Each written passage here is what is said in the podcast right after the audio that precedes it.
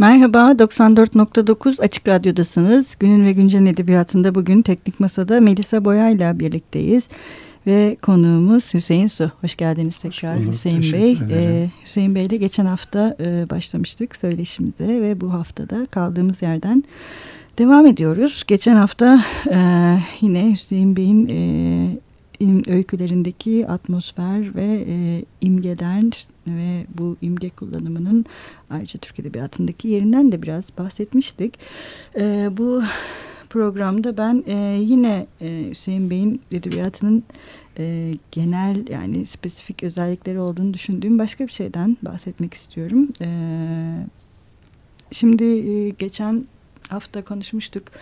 E, dingin bir e, atmosfer ve bu dingin atmosfere eşlik eden imgelerin metinlerinizde nasıl yer aldığından e, bir de karakterler de burada önemli e, ve bu atmosferde e, karakterler için e, en önemli şeylerden birisi de mekanla ilk karşılaşmaları oluyor. Bunu ben mesela bu okuyuşumda fark ettim. E, ve bir gözlemci gibiler. E, anlattıkları şey de hep bir e, yani ben anlatıcı bile olsa yukarıdan yani daha uzak yani hep bir mesafe var. Mesafe hep korunuyormuş gibi geldi bana. Bu mesafe biraz o dinginliğin e, daha e, belirgin hale gelmesiyle ilgili bir şey mi? Evet. E, mutlaka bu dediğinizin önemli bir payı var ama ben edebiyat eserinde öykü özelinde konuşursak hı hı. ve genel olarak da edebiyat eserinde okurken de böyle ararım. Hı hı. Yazarken de böyle bakıyorum. Yani didişen e, işte mekanla, çevreyle, toplumla e, didişen kahramanları değil, hı hı.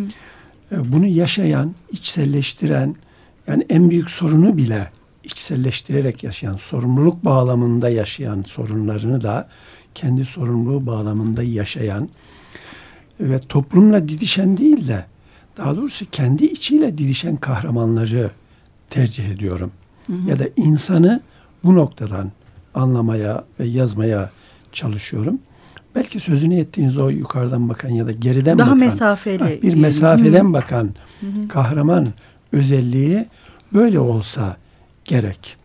Evet bu biraz şey de yani kahramanlarınızın e, bu mesafe onlara daha bir bilgece bir tavır da yüklüyor aslında. Yani öyle ya da böyle o hallerinin e, hep bir e, aslında bir şimdi hatırlamıyorum bir eleştirmen sizin e, kahramanlarınız için arif kişiler diyor. Aslında çok doğru bir tanım. Yani ben, gerçekten arif.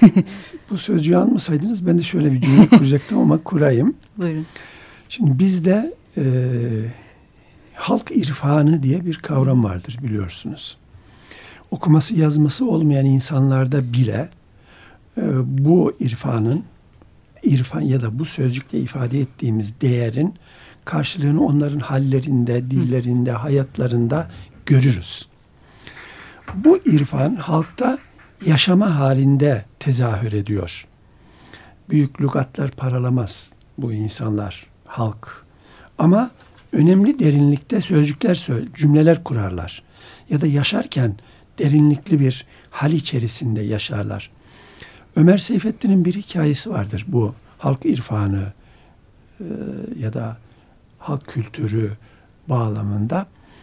E, hikayenin adını şimdi hatırlamıyorum ama şöyle geçer.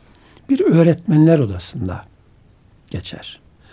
Öğretmenler tartışırlar hayatın pahalılığını, tartışırlar. insanların güç yetiremediğini yaşamaya. Ve bir tanesi der ki ya önümüzdeki günlerde çok ucuzluk olacak. Büyük ucuzluk olacak. İşte şeker ucuzlayacak, çay ucuzlayacak falan filan böyle şeyler söyler. O arada müstahdem eskiden hı hı. okullarda olan öğretmenler odasına çay getirir. Öğretmenlerden bir tanesi bütün öğretmenlerin inandığı ucuzluk olacak haberini müstahdeme sorar. Sen ne diyorsun böyle bir şey olacaktır. Duy da inanma der hmm. müstahdem. Ömer Seyfettin anlatıcının dilinden der ki işte bu halk irfanıdır. Hmm. Yani böyle bir diyalog Doğru. vardır. Ben e, bizim insanımızın anlatıldığı yerde daha doğrusu genel olarak insanın anlatıldığı bir yerde her ne kadar sonradan bozulsa bile insanın tabiatı temelde bunun araştırılmasını, bunun yaşa, yazılmasının gerektiğini düşünüyorum. Evet. Yani belki mesafe bu. Hı hı. Yani her şeye bir mesafemiz var. Hı hı. Zaten günümüzde de sorunumuz biliyorsun mesafesizlikten ya, kaynaklanıyor. Doğru. Hadi. Büyükle küçük arasında, anneyle çocuk arasında, babayla çocuk arasında, öğretmenle öğrenci arasında, komşuyla komşu arasında, e, tezgahtarla müşteri arasında bir mesafe kalmadı. Evet. Ya o sizi çok iyi anlıyorum. Burada mesafeyi bir ast üst ilişkisinden ziyade evet. bir hani e, şey ne diyelim? İnsan ilişkilerini terbiye koruyan diyelim evet. bir de. Evet. Yani o e, kelime aslında çok da hani e, unuttuğumuz belki de kendi çağrışımları ve anlamlarının aslında bayağı çoklu olduğu evet.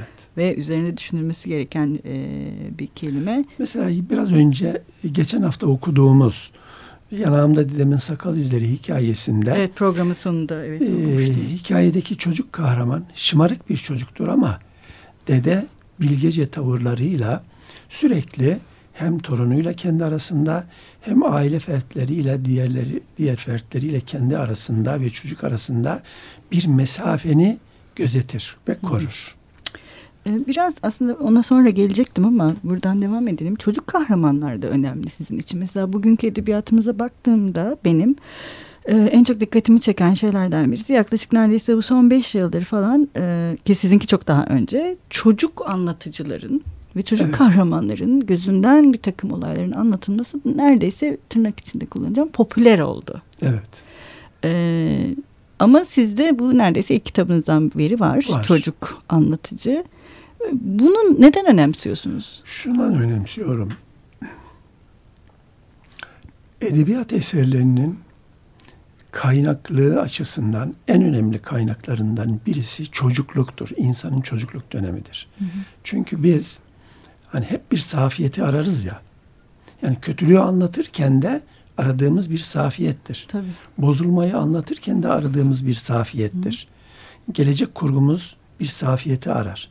Geçmiş özlemimiz bir davu sıla tabiriyle ifade ettiğimiz geçmiş özlemi bir safiyeti arar. Bu safiyete özlem duyar. Bu insan hayatında en yoğun olduğu dönem çocukluk dönemidir. Onun için hem edebiyatın hem de bütün sanat dallarının, sinemanın, tiyatronun, resmin, müziğin, bütün sanat dallarının en önemli kaynağı insanın çocukluk dönemidir. Evet. Bir de çocukluğun şöyle bir şey de var tabii. Farklı bir hatırlama şekli. Hem farklı evet. bir göz. Yani o e, ilk programda konuştuğumuz tıpkı imge gibi geçmiş ve geleceği bir arada evet. barındıran ve aslında o saflıktan dolayı bizim algılarımıza kapalı olan birçok şeyin yani tam da bu gündeliklikten dolayı algılarımızın evet. kapandığı birçok şeyin açık hale gelmesini de sağlayan bir şey. Çocuk. Mesela burada bir eser adı analım. Hı hı. Şeker Portakalı romanının hı hı. Türkiye'de bu kadar çok okunmasının e, temelinde bunun yattığını düşünüyorum. Oradaki Zeze kahramanı biliyorsunuz. E, bunu ifade temsil ediyor. Evet. Yani son dönemde bu kadar artması da aslında başlı tabii. başına tabii bir vakıa. Olumlu herhalde. bir şey.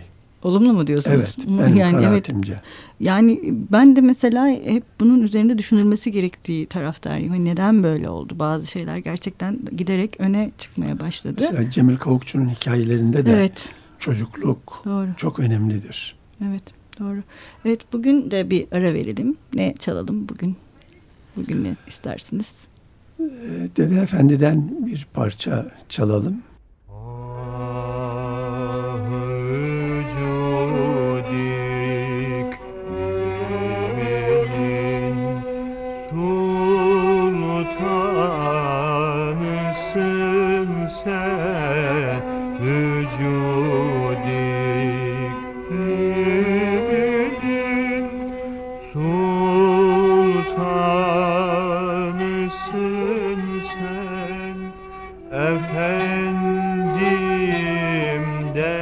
derdimin dermanısın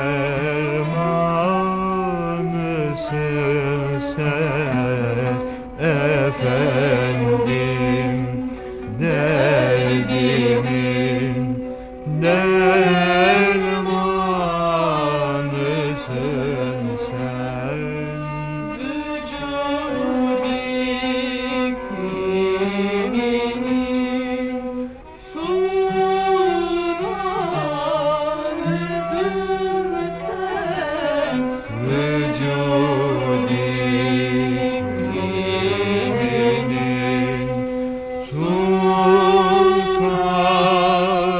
Efendisin sen efendim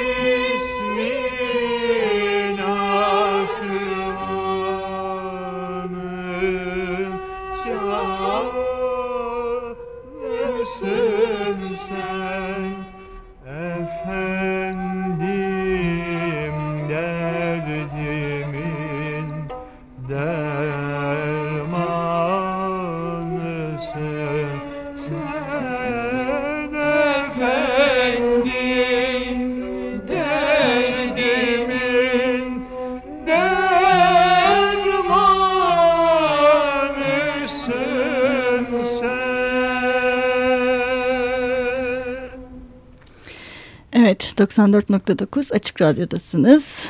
Ee, Dede Efendi'den Münir Nurettin'in sesinden dinledik. dinledik. Ee, günün ve Güncel Edebiyatı'nda e, Hüseyin Su ile birlikte konuşmaya devam ediyoruz. Ee, çocukluktan en son bahsetmiştik. Ee, şimdi yine e, sizinle ilgili yazan e, eleştirmenlerin çoğunun dikkat ettiği e, ve benim de e, eserlerinizde gördüğüm bir e, kavram aslında bir ruh hali hüzünlü öne çıkarıyorlar. Hani hüzün diye ama tabii bu ruh hali hüzün müdür, melal midir, keder midir? Hani aslında tek bir kelimeyle ifade edilemez gibi geliyor bana evet. açıkçası.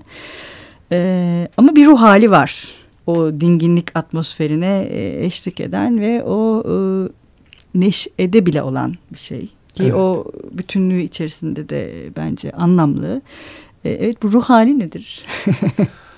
E, ben bu ruh halinin yani hüzün, keder e, ve Türk halkının, bizim insanımızın hayatına içkin olduğunu düşünüyorum. oyun havaları bile, düğünlerde çalınan oyun havalarında bile bir hüzün vardır. Evet. Hatta şöyle denir, oyun havalarını bile hüzünlü havaları bile oynanıyor evet, düğünlerde Doğru. denir. Ama bu galiba hayatı bir algılama, anlama, yaşama biçimiyle alakalı bir hayat kültürüyle alakalı olsa gerek.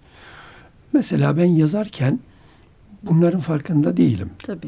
Ama yazdıktan sonra görüyorum ki böyle e, bir şey var. Gayet insani, Tabii bizim de aldığımız ve içselleştirdiğimiz kültürle alakalı. Biz de bu toplum içerisinde doğduk, büyüdük. Annelerimizi gördük, halalarımızı gördük, teyzelerimizi gördük. Kadınlarımız böyle bir her şeyi bağrında, bütün acıları bağrında söndüren, bütün sorunları susarak halleden, Susmak, evet. şikayet kolay kolay şikayet etmeyen bir insan biçimimiz var. Evet. Yani susmak önemli bir evet. kültür Bence bizde. Ee, yani acıyı damıtmak önemli bir kültür. İnceltmek. İnceltmek da. önemli. Aynı zamanda incelmek de insan olarak önemli bir kültür. Bütün bunların toplamı galiba yazmaya başladığımızda kendiliğinden kahramanlara, e, atmosfere, olaylara, atmosfere, dile, duyarlılığa Hep yansıyor. Ee, şimdi e, biraz tabii yavaş yavaş programın sonuna gelirken üslubunuzdan da bahsedelim. Ee, e, yine bu da çok söylenmiş bir şey. Şiirsel bir üslup var eserlerinizde. Son derece yalın. Ee, bir de e, tekrarlar var. Mesela bazı metinlerde tekrar cümleleri, evet. tekrar kelimeleri. Ee, bu da e, kendi içinde bir ritim de oluşturuyor metinlerde. E, yani bence aslında metinlerinizin bir ritmi de var. Hani bu sadece e, şiirle açıklanabilir bir şey mi onu bilmiyorum. Hani o yüzden biraz önce aklıma geldi. Mesela siz sessizlik ve suskunluktan bahsedince e, metnin kendi sesi belki böyle kuruluyor evet. sanırım. Değil mi? Yani böyle bir çabanız e, ya da bunu oluş ya bu üslupta yani metnin kendi sesini kurmaya yönelik bir evet. girişim gibi bir mi bakmak gerekir bunlara? açısı var. Ee, şimdi bu cümle tam kimin ismini hatırlamıyorum ama şöyle bir cümle var. Metnin iç sesi Hı hı. diye bir belki kitap adımı ya da böyle bir yazı adımı. Roland Barthes galiba çok emin değilim ama. Ben de tam emin Hı. değilim ama bana ait olmayan ama çok beğendiğim, doğru bulduğum edebiyat eserinde metnin iç sesi mutlaka gerekiyor. Evet. Bu metnin iç sesi sadece sözcüklerle sağlanmıyor. Duyguyla, düşünceyle, dille anlatılan temayla, işte acıyla ya da sevinçle, kederle, hüzünle her neyse bunlar metnin iç sesine katkıda bulunuyor. Ama sözcüklerle de sözcükler de katkıda bulunuyor. Biraz önce sözünü ettiğiniz bazı sözcüklerin tekrar edilmesi metin içinde geriye dönerek aynı sözcükleri yeniden almak, bir başka bağlamda Hı hı. o sözcükleri yeniden dile getirmek bu metnin iç sesine katkıda bulunuyor. Bir başka husussa o şiirsellik dediğiniz bu bir edebiyat eserine her zaman değer katmayabilir şiirsellik kavramıyla ifade edilen özellikle. İşte akıcılık, şiirsellik bunu çok kullanılıyor ama Evet, çok. ben bunu her zaman doğru bulmuyorum. Fakat benim başka yazarlarda da gördüğüm her yazarda olmasa bile bir alışkanlığım var. Ya da yazmaya hazırlanırken başvurduğum bir durum var. Şu, mutlaka şiir okurum. Hmm. Yazıya başlamadan önce. Evet. Mutlaka. Yani bir e, açarım rastgele sevdiğim şairlerden birisinin kitabını açarım. Bir hikaye yazmaya, bir yazı yazmaya oturmadan önce oradan bir iki şiir okurum. O bende bir zihni atmosfer oluşturur. Yani bir hikaye de okurum ama Evet. daha çok şiir okuyorum. Yani iyi bir şiir okuyucusuyum. Kendimce, kanaatimce. E, bu dergi editörlüğü nedeniyle de bunun önemli bir katkısı var ama edebiyat eğitimi aldığım için üniversitede oradan da getirdiğim hatta daha geriye giderek halk hikayeleri biliyorsunuz hikaye ile şiirdir. Evet. Hikayeyi anlatır anlatıcı sonra der ki aldı Kerem. Evet. Kerem'in dilinden bir şiir vardır. Hikaye girer araya sonra aldı Aslı der. Aslı'nın dilinden bir şiir vardır. Bunlara da aşina olduğum için yani hikaye kültürüm, tahkiye kültürüm bunlarla oluştuğu için e, hikaye yazarken şiirden uzak duramıyorum. Bir birikim olarak, dil birikimi olarak, belki dil duyarlı, duyarlılığı olarak e, yani yazıya ben şiirle girerim genelde. Bu tabii şey de değil mi? Yani okuduklarımız, yazdıklarımız yani farklı türlerde de yazdıklarımız aslında birbirine sirayet eden şeyler. Mutlaka. Yani bu sizin e, mesela deneme de aslında çok şiirsel bir tür bence. Hani o şiirsel Evet. kavramını evet dikkatli kullanmak gerekiyor. Çok haklısınız. E, yani diğer taraftan e, en çok ürettiğiniz türlerden birinin deneme olması da yani Evet. e, bu anlamda e, çok manalı. Bu bağlamda şu cümlemi de ekleyeyim izninizle. tabii buyurun. Ee, şöyle bir tezim var. Bunu yazdım da bu cümleleri. Ee, hikayeciler ve romancılar mutlaka şiir okumalı. Şairler de mutlaka hikaye ve roman okumalı. Evet birbirleri Evet. o bağıntıları görebilmeleri için. Onların dili, şiir dili hikayeden ve romandan beslenmeli. Tahkiye dilinden beslenmeli. Tahkiye dili de şiir dilinden beslenmeli. Evet. O yüzden yine sizin sanırım edebiyatınızda en önemli şeylerden birisi de bağıntılar. Yani her Evet. şeyi kendi e, hani biçim oyunlarına kaçmamak için e, bütün e, atmosfer içerisinde, kurgu içinde e, her şeyin birbiriyle bağıntılı bir şekilde yer alması gerekiyor. Yani kültürel da- bağıntılardan uzak durmamalı yazar. Evet, kültürel Mesela bağıntı. bunu Hı hı. şu son söylediğimiz konuları e, Tarkovski'nin sinemasına Hı hı. giderek de doğrulayabiliriz söylediklerimizi. Yani ne kadar yoğun bir imge dili vardır Tarkovski'nin sinemasında. E, onun söyleşileri de yazdığı denemeler de günlükleri de sinemaya dair. Yani bir şiir gibi, bir öykü gibi, bir roman gibi okunur. Besler daha doğrusu bizi. Evet bağıntılarla. buradan e, Zeynep Hoca'ya, Zeynep Sayın'a da selam göndermiş olalım. Onunla yaptığımız bir programda da Zeynep Hoca şey söylemişti, şimdi onu hatırladım. Gelenek kelimesini çok sevdiğini. Gelene eklenen evet. bir şey. Dolayısıyla evet. hani e, bağıntılı düşünmek ve sizin edebiyatınızda Tabii. da hani gelenek dediğimiz şey böyle bir şey gerçekten. O yüzden e, geçmiş ve geleceği bir arada. Zeynep Sayın'ın bu düşüncesini, şu andığınız düşüncesini o son kitabının adı çok iyi özetliyor. evet. Ölüm terbiyesi. Evet, buradan hocaya selam yollayalım isterseniz evet, birlikte. Çok selam olsun. Ee, ölüm terbiyesi çok önemli bir kavram. Evet. Önemli bir isim yani. Evet doğru tam da gelene evet. eklenen evet. bir şekilde. Evet e, Hüseyin Bey çok teşekkür ederiz. Burada iki haftadır bizimle birlikteydiniz ve e, çok uzaklardan Ankara'dan geldiniz. Size tekrar çok teşekkür ediyoruz bu iki program içinde. E, bugün neyle bitirelim? Ben İstersiniz? teşekkür ederim size, Açık Radyo'ya ve bütün ekip arkadaşlarımıza çok çok teşekkürler ve başarılı yayınlar diliyorum. Çok sağ olun. Daha nice yıllara. İnşallah hep beraber. Bugün yine e, neyle bitirelim onu da söyleyerek. E, Gül Şeftali Ömen Yemeniye öyküsünün hı hı. E, son paragrafını okuyayım. Evet, e, evet bugün 94.9 Açık Radyo'da e, Hüseyin Su ile birlikteydik. Hoşçakalın, görüşmek üzere. Yemeniler manevi birer eşya olarak elimdeydi. Nutkum tutulmuştu. Deri ve naftalin kokusunu hissediyordum yalnızca. Nişanlıma uzattım elimdeki Yemeniyi. İki parmağıyla Yemenileri birbirine bağlayan ipten kaygısızca tuttu ve yan tarafa bırakıverdi. Basit bir gülüşle güldü. O basit gülüş bir değirmen taşı gibi halamla benim kalplerimizin üzerine düştü. Sonra da bir cümleyle o değirmen taşını döndürdü nişanlım. Zevksiz ve çok eski şeyler hepsi de dedi. Sesini bu denli soğuk ve kuru olduğunun farkına nasıl da varmamıştım. Halam da koynundan çıkardığı beşi bir yerdeyi ona uzatıyordu tam o sırada. Boşalan bohçasını kıskıvrak toplayıp kalktı halam. Nişanlıma baktım, ne yaptığının, neyi küçümsediğinin farkında bile değildi. İşte olan olmuştu artık. Halamın odasına girdiğimde elleri koynunda kanepenin pencereye yakın ucuna ilişmiş oturuyordu. Yüzü pencereye dönüktü. Ben içeri girince olduğu yerde kıpırdandı. Yüzüne yaydığı gülümsemeyi seyriyen dudakları zor zapt ediyordu.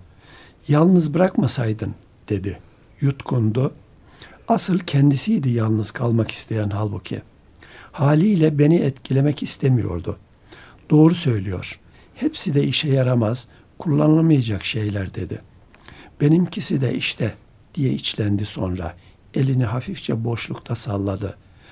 Halamın yaşlandığının ilk kez farkına varıyordum. Sonunda kendini tutamadı. Gözyaşları kalbimin üstünde bir sağanak gibi indi birden.''